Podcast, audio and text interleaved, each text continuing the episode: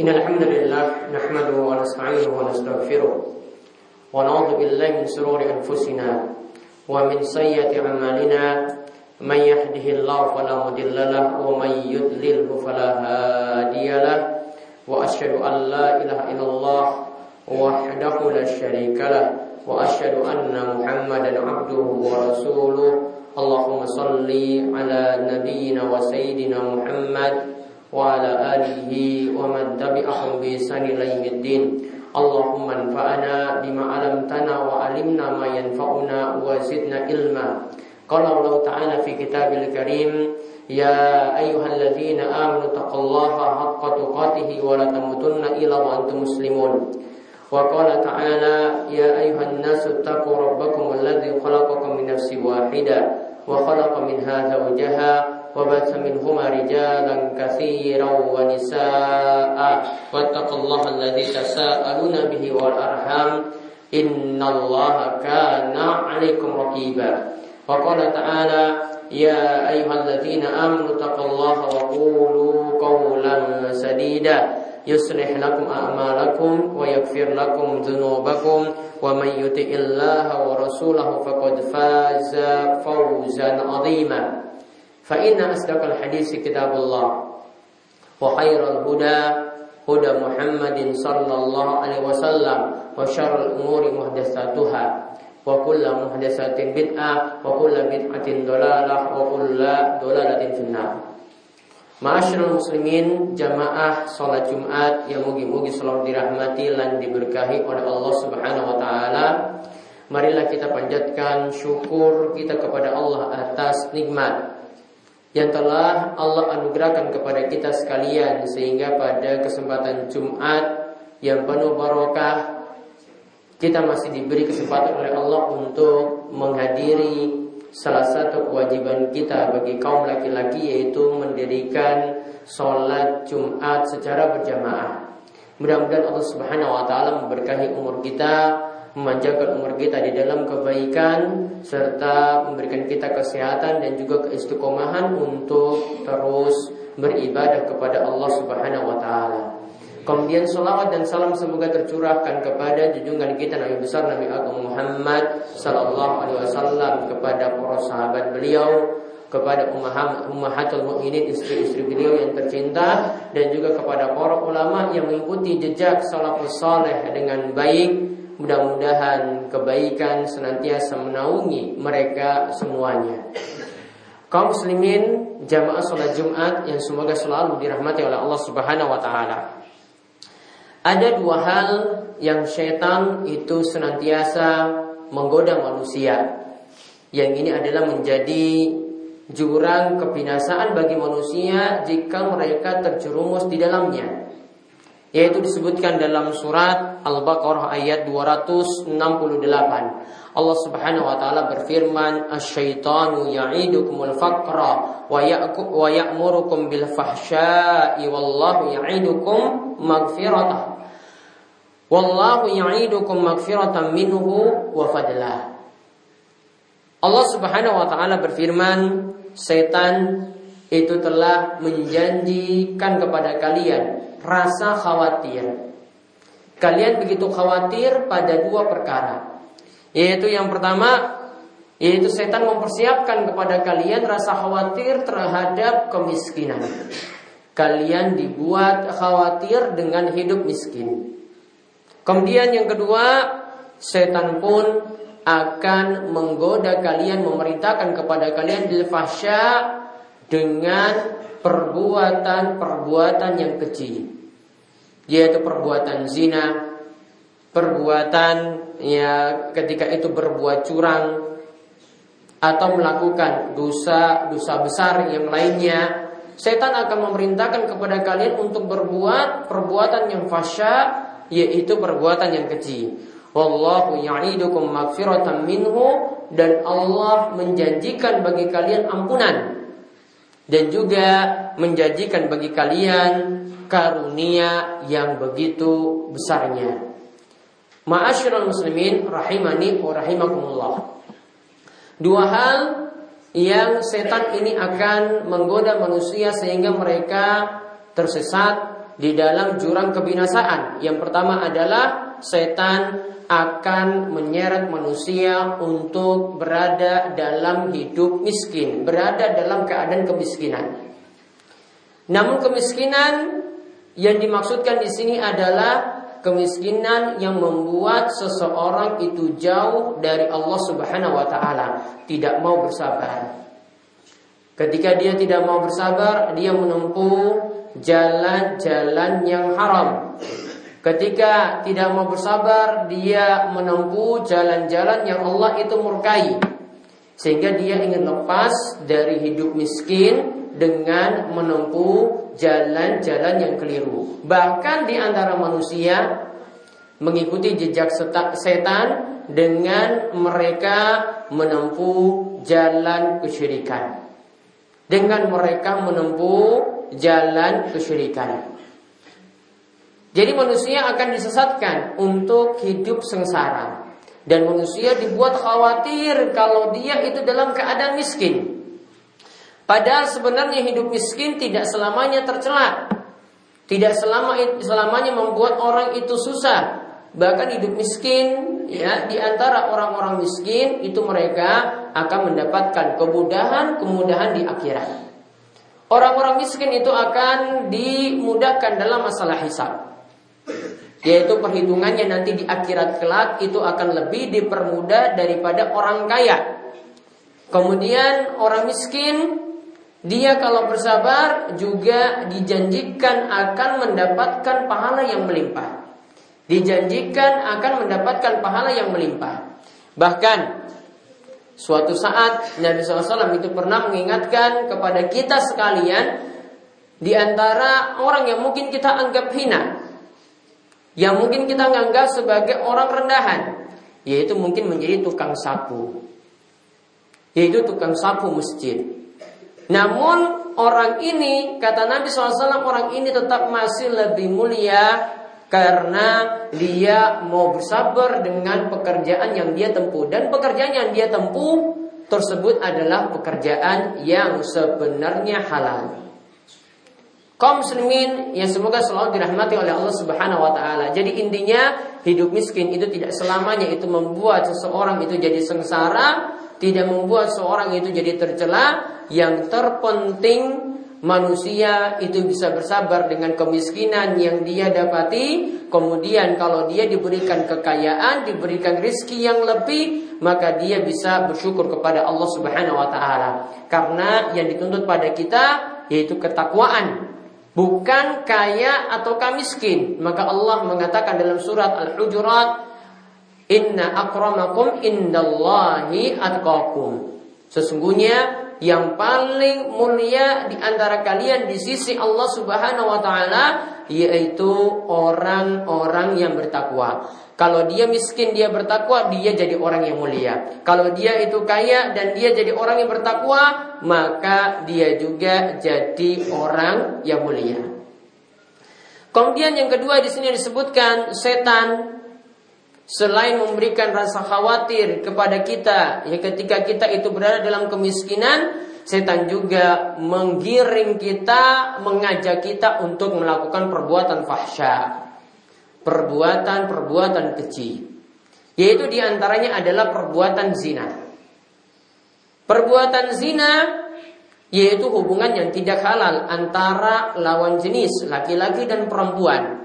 Entah itu antara pasangan yang sama-sama bujang melakukan hubungan layaknya suami istri atau antara pasangan yang sudah berkeluarga atau sudah pernah merasakan nikah.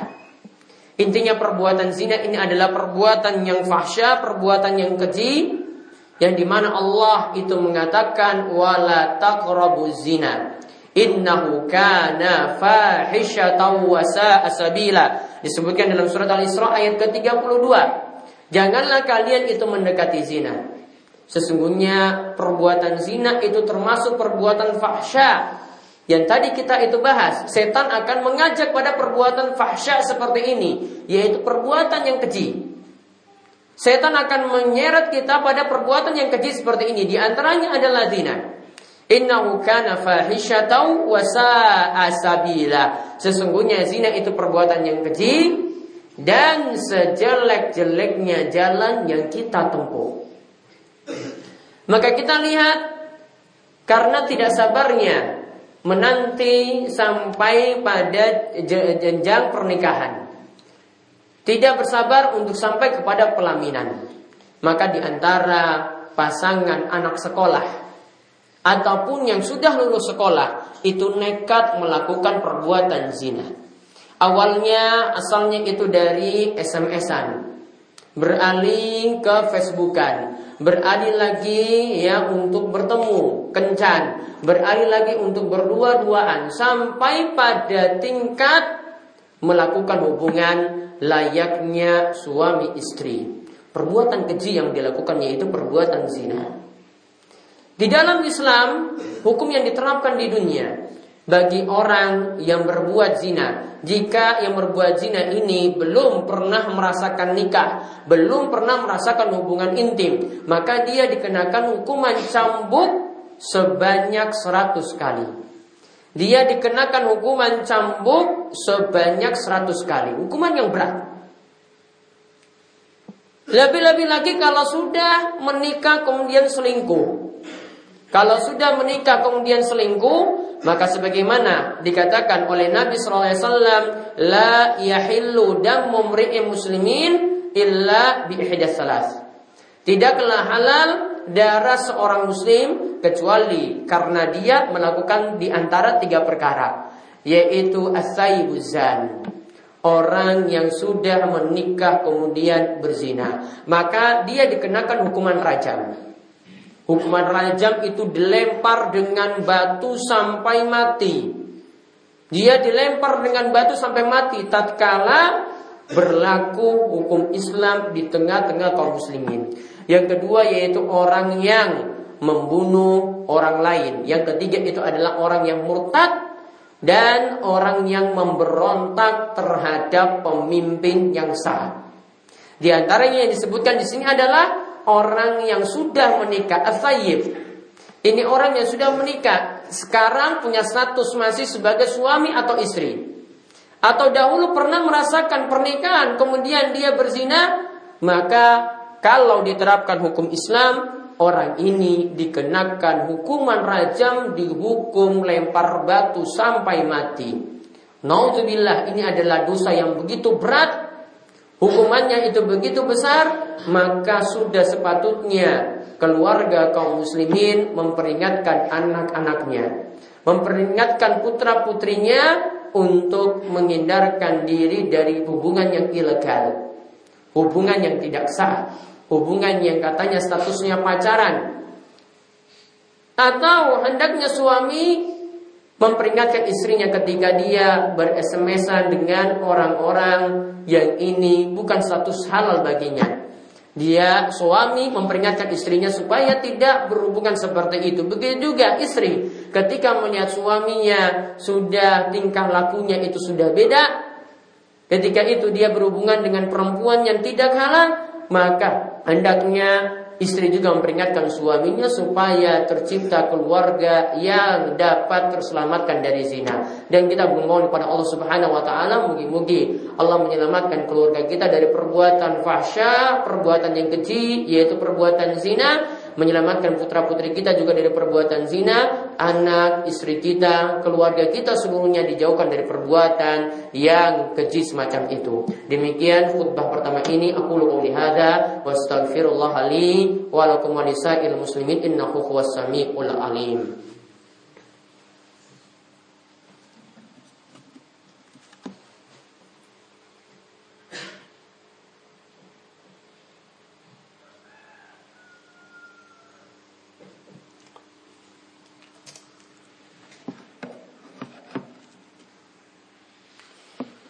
Alhamdulillah Rabbil Alamin.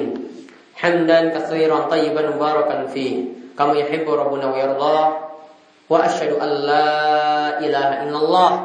Wahdahu la syarikalah Wa ashadu anna muhammadan abduhu wa rasuluh. Allahumma salli ala nabina wa sayyidina Muhammad. Wa ala alihi wa man tabi'ahum bi ihsan ila yaumiddin. Ma'asyiral muslimin, para jamaah sekalian yang semoga selalu dirahmati oleh Allah Subhanahu wa taala. Pada khutbah yang pertama tadi kita ingatkan dalam dua hal yaitu kita tidak perlu khawatir akan godaan setan yang begitu membuat kita takut akan hidup miskin. Kemudian yang kedua, kita juga harus tahu langkah-langkah setan yang berikutnya. Setan akan menggiring manusia untuk berbuat perbuatan yang kecil, yaitu perbuatan yang fasya, di antaranya adalah bentuknya perbuatan zina. Maka di antara cara agar kita terselamatkan dari zina, hendaklah kita membekali diri kita dengan ketakwaan. Karena Nabi SAW mengatakan, Ittaqillaha haitsu makunt. Bertakwalah kepada Allah di mana saja kalian berada. Ketika sedang bersama dengan teman-temannya dia bertakwa.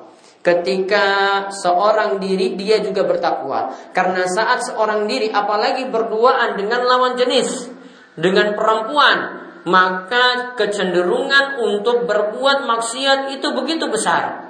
Maka kita diperintahkan ber, e, bertakwa kepada Allah ketika kita berada di keramaian dan juga ketika kita berada dalam kesendirian.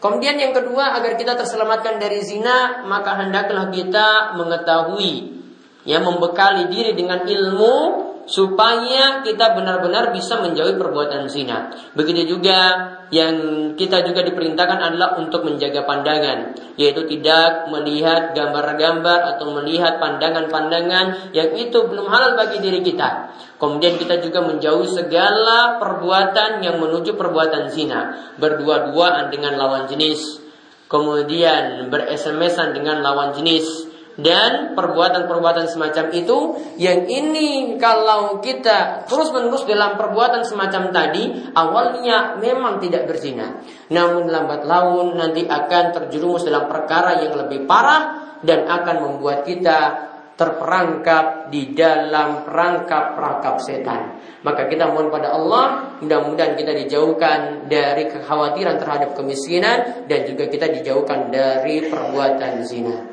Di hari Jumat yang penuh barokah ini, ya kita diperintahkan untuk bersalawat kepada Nabi SAW. Ya karena barang siapa yang bersolawat kepada Nabi itu sekali maka Allah akan membalas solawatnya sebanyak 10 kali.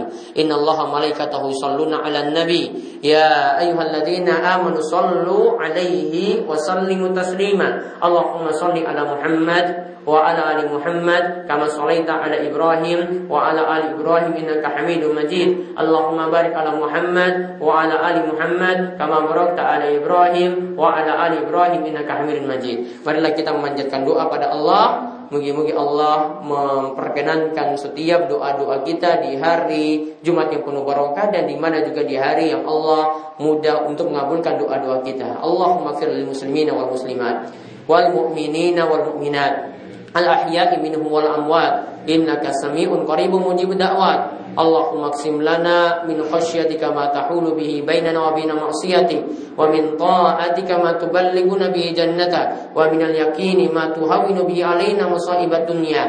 Allahumma matikna bi asma'ina wa absarina wa quwwatina ma ahyaytana waj'alhu waritha minna waj'al sa'rana ala man zalamana wansurna ala man adana wa la taj'al musibatana fi dinina wa la taj'al الدنيا أكبر همنا ولا مبلغ علمنا ولا تسلط علينا من لا يرحمنا Ya Rob, Ya Allah, Ya Rob kami Ampunilah segala dosa-dosa kami Ampunilah segala dosa kedua orang tua kami Ampunilah setiap dosa orang-orang yang telah mendahului kami Yang telah meninggal dunia Meninggalkan kami Ya Allah, Ya Rob kami Berikanlah berbagai macam limpahan rahmat kepada negeri kami ini.